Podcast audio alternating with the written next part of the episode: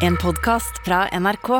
De nyeste episodene hører du først i appen NRK Radio. Velkommen til en ny episode med Skittprat med Jens Isak. Jeg heter Jens. Heter jeg Isak. Her er jo podkasten der vi prater om eh, jakt og fiske. Prøver i hvert fall. Ja, og i dag Grønland. Nå er vi over på grønlandsprat, for vi er jo på Grønland. Eller har vært. Har vært. Eh, I dag skal vi ta for oss litt eh, jakt- og fangsttradisjoner på Grønland. Mm. Eh, vi- Særlig jakt i spissen, kanskje. Eh, Seljakt i spissen, det er jo kanskje den viktigste innhøstingen de gjør. Eh, vi skal prate litt om Atoku, som ble eh, vår kjære mor i Ja. Grønland. Passa på oss og vaska oss og ja, prøvd å ha kontroll. ja, hun hadde jo litt kontroll av og til Jeg tror hun hadde mye mer kontroll enn vi tror, Ja. faktisk.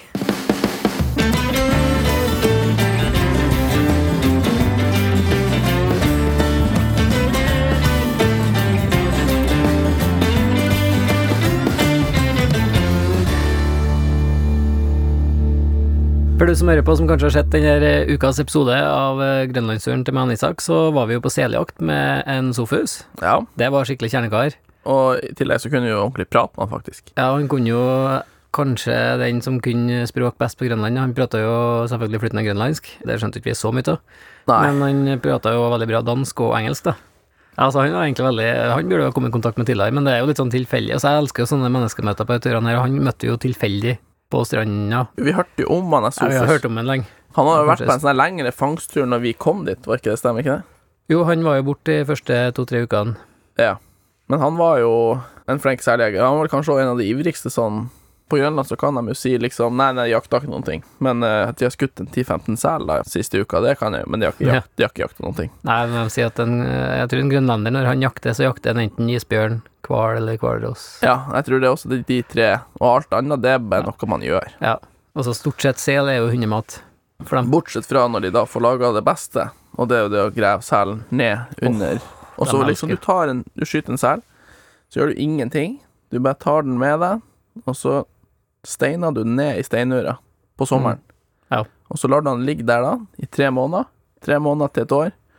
Så tar du den opp igjen, og når den da er helt sunderåtna, da spiser du den.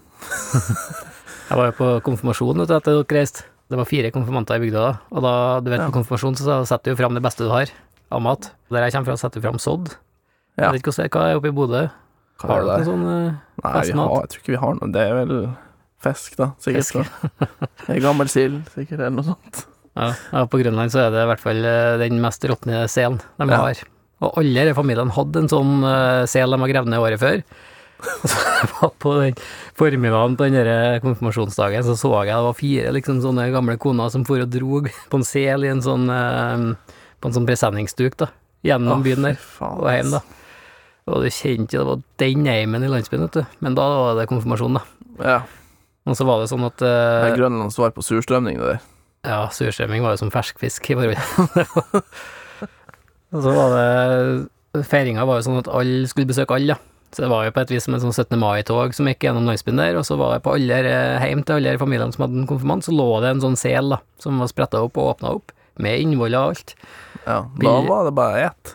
Ja, det var liksom lå en sånn 10-12 kniver rundt selen, og så var det bare å sette seg ned og begynne å skære og ete. Det er enkelt, da. Det, ja, det er enkelt, det kan man si. Og det er jo De hadde litt andre Det- ting der òg. Det var litt sånn eh, rått fett og noe sånn uh, frosset reinkjøtt og rotte og selvfølgelig. Eh, Ja. andre delikatesser. Ja. Men det andre der, det ble jeg for så vidt glad i. Etter hvert syns jeg faen meg nesten det beste som var, det var den råe, rå, fryste reinen.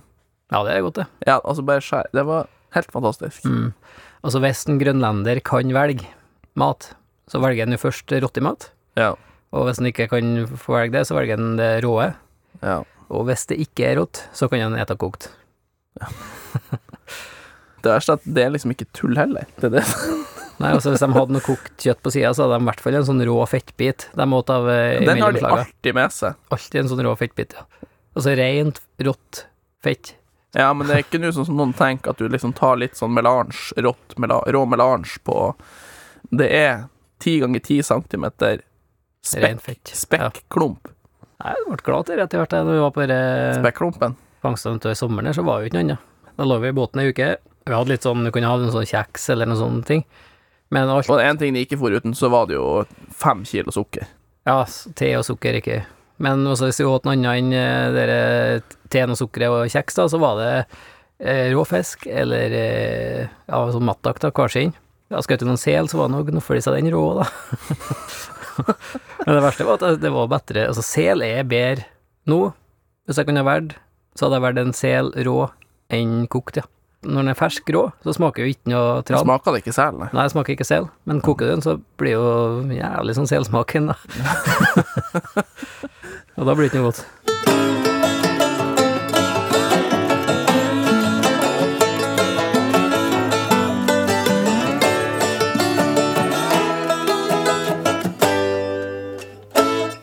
Fascinerende å få ta del i den fangstkulturen deres. Altså, Det er jo liksom Altså, alle kulturer har jo på et vis ei sånn rot i kulturen. For samene, for eksempel, så er det reindrift. For uh, Dené-folket borte i Amerika, så var det jo kanskje der, uh, reinjakt, da. Caribou-jakta og ulvefangst og sånn, som liksom var kjernen. Ja. Så på grønlanderne så er det jo uh, Det er jo definitivt uh, havfangst, da. Det må jo være sel som er hoved... Det og blåkveite. Ja, sånn det de fanger mest av, men så jeg tror de er Altså, jeg tror jo de tre store, da, altså isbjørn, hvalross og hval, altså det de ønsker seg aller mest, på et vis, da. Det er det de ønsker seg aller mest, men jeg tenker på liksom den største sånn Mengde, ressursen som er der hele Ja, ja, ja. året. Hval var det jo en periode der, Ja. På sommeren, ja. ja. Mens uh, sel har de jo uendelig mye da, hele året. Ja, det er jo en ubegrensa ressurs hele tida, og det er jo det de fôrer hundene med, stort sett. Ja. Lager sko, votter, Anorakk. anorakker Altså, det var jo Sofus som virkelig lærte oss eh, den uh, seljakta sånn for alvor. Ja, han var jo drivende dyktig òg, da. Han Ja, det var det. Råskinn. Ja. Og så vi kjørte ut på isen der, og speidet etter sel, da.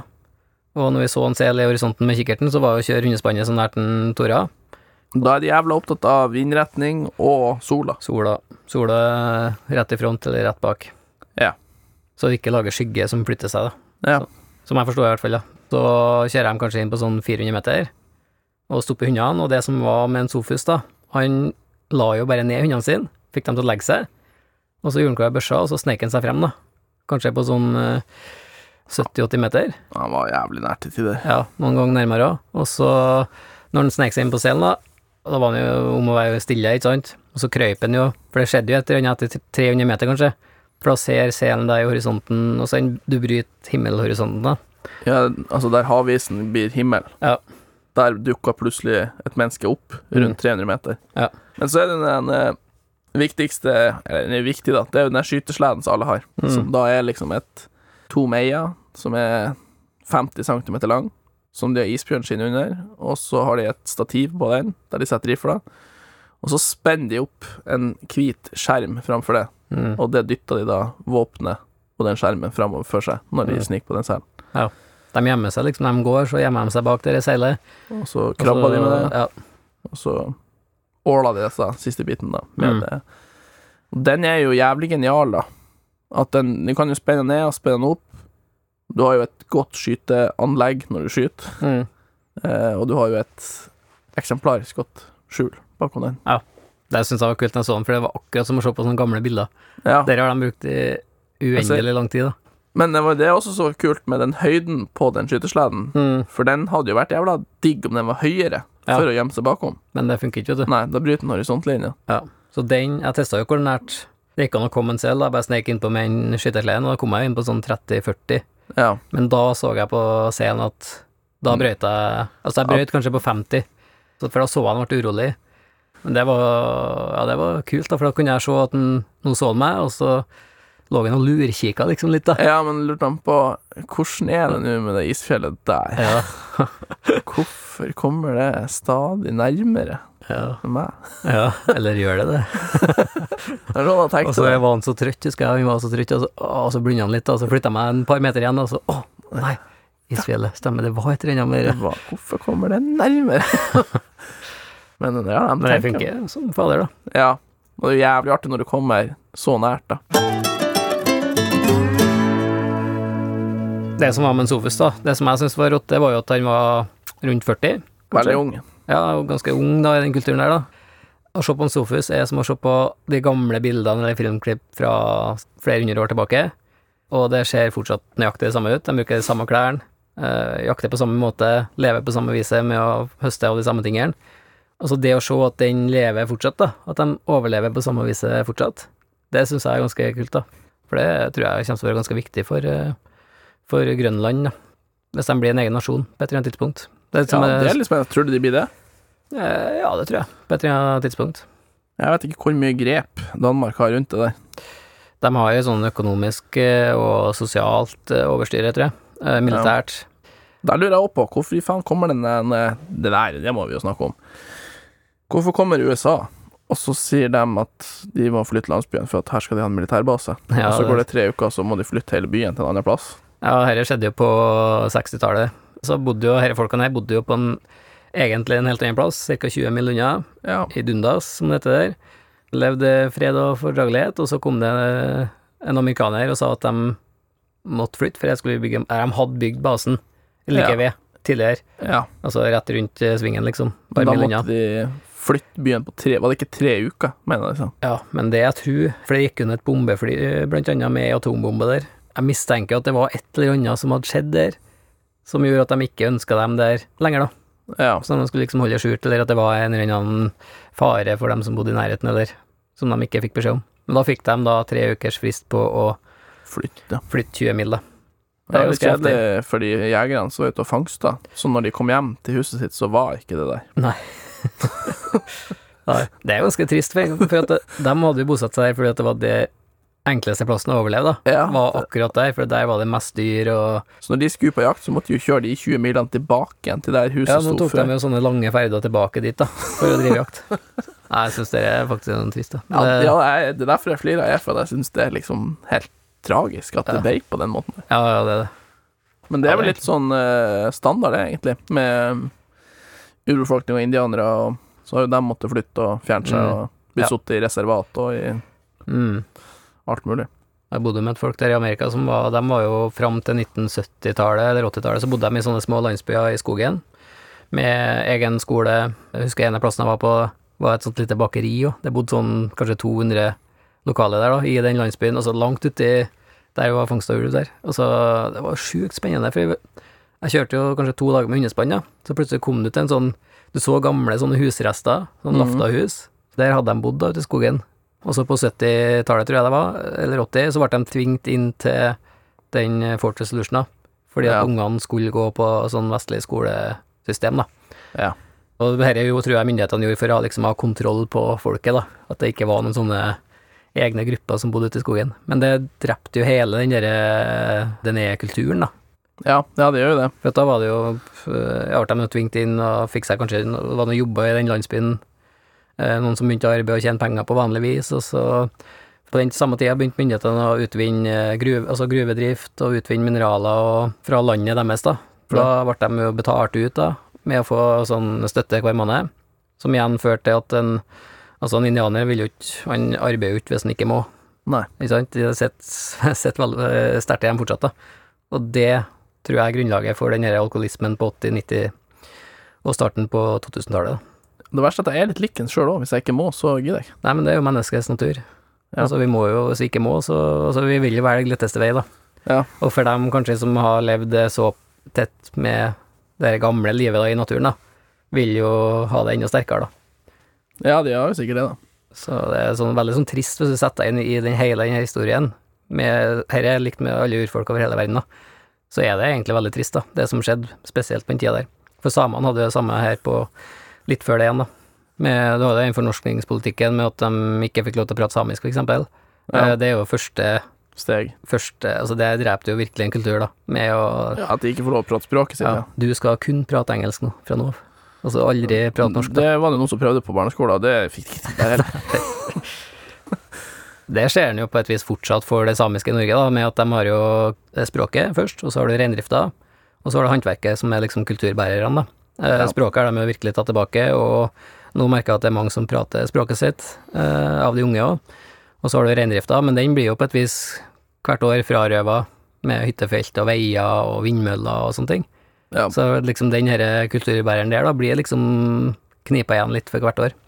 Strammes. Ja, litt det samme, hvis du kan sammenligne med det som skjedde med indianerne i Canada, så er det litt det samme da fortsatt, da. At, eh, Ja, og hvis vi nå går tilbake igjen til Kanak, så går vi jo er det jo akkurat der vi er nå, da. Altså, de Mm. måtte først flytte basen sin. Ja. Eh, språket er vel sånn Driver blir litt utvanna, det òg. Ja, det vil jeg si var veldig bra på Grønland. De prater jo stort sett grø- grønlandsk. Ja, de prater grønlandsk, men de, de har jo fått inn dansk på skolen der. Ja, ja, ja. Og så har de det Men det tror jeg er lurt at de plutselig Kule Penny. har Ja. Den er rå. Og så bare, men det jeg tenkte på, det med at de har mista områdene sine. Ja. For det skjedde jo også oppe i Kanak. Mm. Ja, akkurat De hadde jo et enormt felt de hadde lov å jakte på. mm. Før så hadde de jo lov å fare over til Canada og jakte der. Mm. Da har det blitt skrenka inn etter hvert. Mm. Så nå jo, hadde de jo ikke lov til å fære så langt nord lenger og jakte. Nei. Som de hadde før, da. Mm. Før kunne de jo faen meg dra til Alaska og jakte.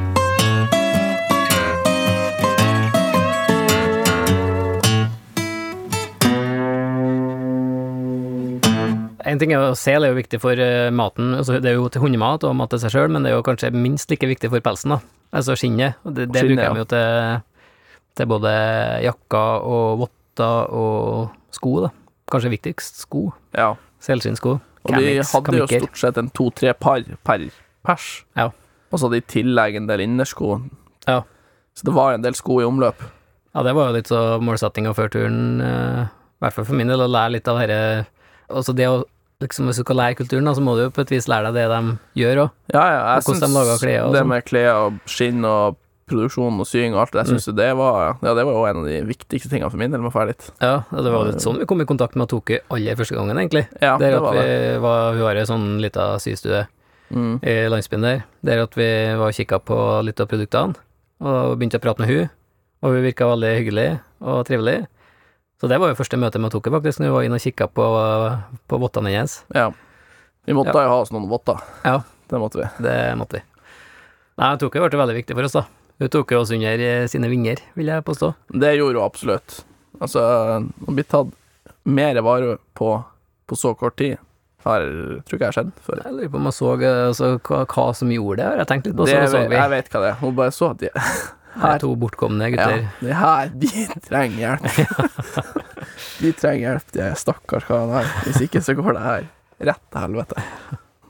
Jeg tror jeg ble litt glad når jeg lånte hundspannet, så det, tror jeg hjalp på, da. For at da måtte hun på et vis kanskje følge med oss litt òg, når vi hadde eh, hundene hennes. Ja, sånn at ikke alle vottene ble borte etter neste vinter. Ja. Nei, men det ble en sånn connection der òg. Ja, det ble det. Og hun syntes jo det var artig at vi kjørte med hennes hunder, og Ja. For de hadde jo bare stått på en kjetting, sikkert, ja. hele vinteren. han- Så det var jo til det beste for hundene hennes, og hun var jo veldig glad i hundene sine, da. Hun Ja, var jo en av dem som tok best vare på hundene sine på hele Sikkert på hele Grønland. De hadde jo de hadde den beste plassen i hele Kanak. De sto på. desidert beste tomta. Ja, faktisk. Ja. Så det ble jo en connection der, og så um, fikk vi etter hvert bo til, ja. Først så bodde vi jo liksom i en annen sånn uh, koie eller hus der, Ja. og så flytta vi liksom hjem i huset hennes der. Um, og så etter hvert så ble det liksom, begynte vi å kunne komme hjem til dem og ete mat der hvis vi hadde, når vi var i Kanak der, da. Eh, så det balla liksom litt sånn gradvis på seg, det der. ja, det gjorde det. Og så ble det jo snakk om uh, Så ble jeg så jævla tynn, og da ble jeg jo virkelig bekymra. Ja, vi ble bekymra for deg en stund der. Ja, hva det? Hva er det, unge mann? Ja. Du er bare skin. ja, jeg hadde jo feita meg litt opp, så jeg var jo Jeg var 93 kilo da jeg dro til Grønland. Nei, Ikke det er solid. Det var gutten sin. Ja, det var gutten sin. Jeg jobba godt, da. Ja, da gjorde jeg akkurat Jeg bare tok 14 dager før jeg reiste, så bare spiste jeg så mye jeg vil av det jeg vil. Ja, det er luksus, det. For Og sånn da ja. Kan bare trykke seg akkurat hva man vil. Ja. Jeg gjorde akkurat det jeg hadde lyst til i 14 dager, og da ble jeg 93 kilo. Men nå var ikke Grønlandsturen akkurat en sånn eh, Det var ikke en knallhard Nei, jeg vet ikke Tur. hva det var som gjorde det. Jeg tror det var det var kulda, ja. Ja. Det må det ha vært. Nei, så i hvert fall da så var jeg jo 79-80 Ja. etter en fem uker eller noe sånt. ja, solid nedgang, det. Ja. Da syns jo Nei, du er bare skin. Så da måtte jeg jo opp til henne og spise middag av og til. Ja, ja. Jeg er jo snill med oss. Og så når vi satte oss inn i syinga, da tror jeg vi virkelig våkna, da. For det var jo liksom hennes hjertebarn, var jo å sy spesielt votter, kanskje, Ja. med noe sko og andre ting, da. Så jeg tror når vi oss inn, begynte å sette oss inn i syprosjektene hennes, da, da tror jeg vi våkna litt, da, virka det som. ja. Det likte jeg. Hun liker jo å være litt sånn Jeg likte å vise uh, hva hun kan. Ja, det gjorde hun. Men hun var flink òg, da. Ja, ja, det er absolutt. Jækelsk flink. Men uh, Og så var hun flink på hele prosessen, alt ifra å ja, ta vare på en sel da når den kom inn, ja. det med flåinga og skraping, og tørking og bereding av skinnet. Eh, Hun var jo ekstremt flink på hele prosessen. Og var jo jeger sjøl, da. Ja, ja, hun kunne jo alt det der. Ja. Og det var jo Jeg hadde jo jævlig lyst til å lære meg å skrape skinnet av Toku. Ja. Jeg mener jo sjøl at jeg er relativt god å kvesse kniv, ja. men eh, jeg har ingenting å gjøre med knivene på Toku. nei. Nei, nei. Hun var så rå på det der. Ja, altså jeg prøvde å kvesse en kniv, og jeg bare kvessa liksom, og hun bare nei, nei, nei. Og så tar hun den opp, og så er jeg bare Og da er den. Den er så sinnssykt skarp. ja. Nei, hun var helt rå på det der. Altså, hun kunne jo kløyve et revhår med Ja. den der kniven der.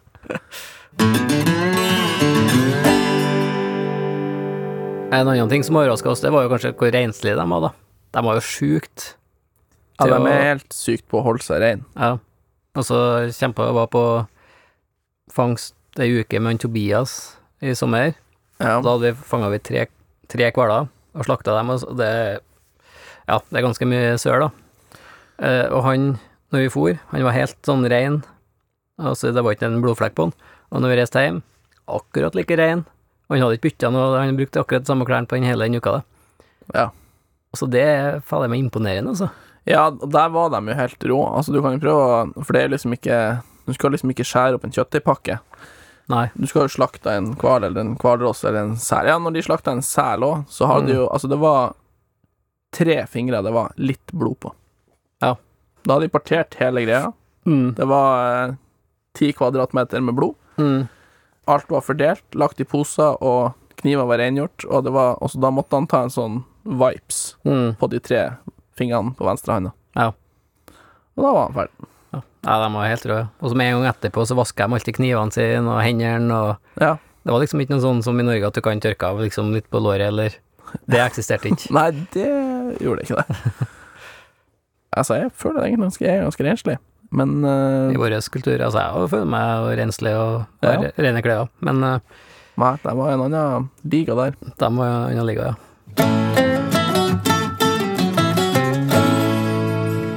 Vi har som vanlig fått inn mye spørsmål i innboksen vår, Isak, og i dag så har Sigve Rogne Jensen spurt eh, om følgende. Har hørt at dere snakker mye om alle folkene dere treffer i Mongolia, Grønland osv., men jeg lurer på hvordan treffer dere disse folkene? Er det bekjente, eller er det noen dere bare tilfeldigvis trenger dere på? Nei, altså jeg må ikke si at uh, vi, kjenner jo, vi kjente jo ingen på Grønland. Nei, Når vi får det gjør dit. ikke.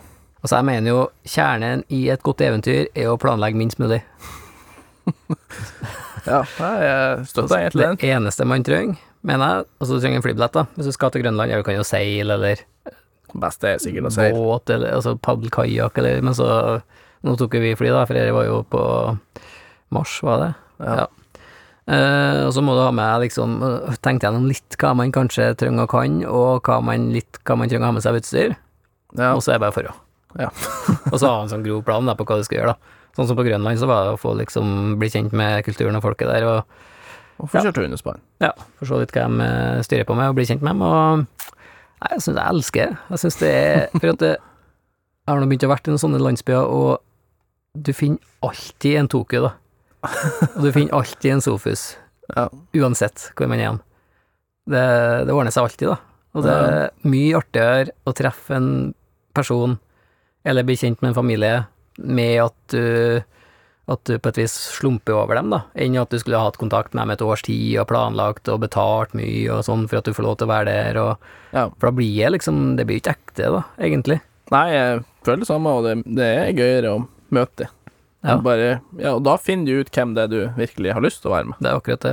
Og så vil jo dem òg ta inn deg fordi at de syns du er en trivelig person, forhåpentligvis òg, da, og ikke Ja. fordi at du har eh, avtalt at der skal du bo i en måned, eller uh, Ja, ja, nei det, men sånn føler jeg det jo i Norge også, da. Man Altså- er jo rundt i Norge og farter, og Ja, kommer jo i kontakt med plutselig ja, ja. folk i Norge òg, da, som du ja, ja det det. bare er med. Mm, og sånn er det på alle de plassene her også. Eh, Nei, jeg digger. Og hvis man gjør en avtale på forhånd òg, så tror jeg man lett blir litt sånn stuck med Ja, den òg, kanskje, da. Og Ja, så ja, ser du at herregud, her For at dem som er på nett av de her menneskene her, det er jo ikke dem du gjerne vil være sammen med der, for at dem sånn du vil være feil. sammen med, er jo ute og jakte eller Ja. ute og farte, da. Nei, du må møte dem live, ja. Ja, det er veldig viktig, da. Så er det bare alltid å si ja. Det er min store styrke og svakhet Ja. i livet, er at eh, ja, Ja. jeg er alltid med. Det en sånn tur står og faller på, mener jeg, da, det er jo om du kommer i kontakt med de rette folkene og får innpass til dem, da, sånn at du får For jeg, altså målet mitt med en sånn tur er at jeg har lyst til å være med dem på akkurat det de gjør, som en av dem, da, hvis du skjønner hva jeg mener. Ja. Altså at jeg føler meg som en, i dette tilfellet, som en grønlender, da. Sånn Ja. som det ble utover i sommeren der, når jeg var med han eh, Kajanga på hvaljakt, så var jeg, følte jeg at jeg var der akkurat Med han. Og så jeg kunne, hvis han lå og sov og det kom en hval, så kunne jeg hoppe i ka- kajakken og, og gjøre det samme som han, da. Ja. Uten at, altså det var, og det han tok som en selvfølge. Og da er jeg liksom akkurat der jeg ønsker. Det er liksom målet oppnådd på, på den reisa der, da. Der er jo du helt rå, da. På de plassene der med å komme i kontakt med urbefolkning og folk. Og spesielt det med at du tar, får kontakt med de du ikke kan språket til. Ja, det er tegnspråk. Det er mye man kan Ja, gjøre ja, med det er mye tegnspråk. tegnspråk, det skjønner jeg. Og den er jo Ja, jeg kan jo egentlig ikke noe språk, så det blir jo tegnespråk. med.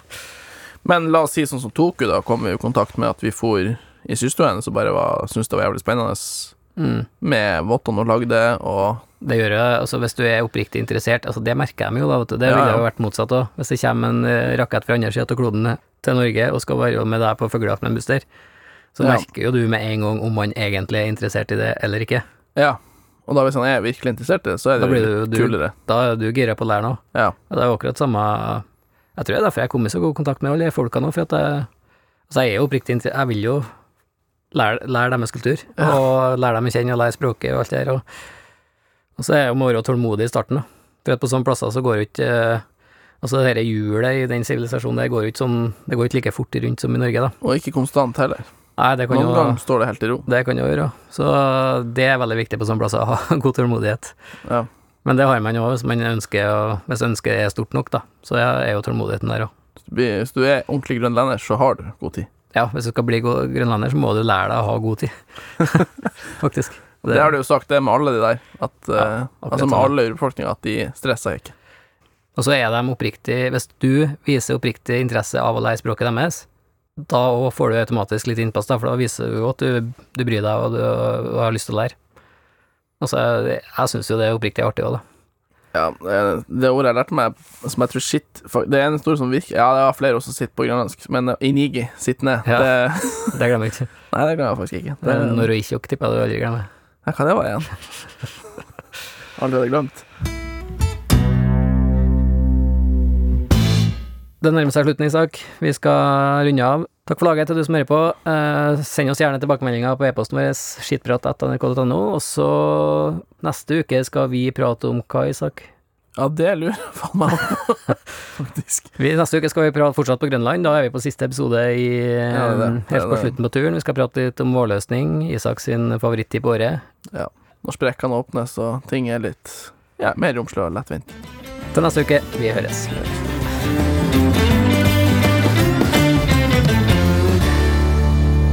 Du har hørt en podkast fra NRK. De nyeste episodene hører du først i appen NRK Radio.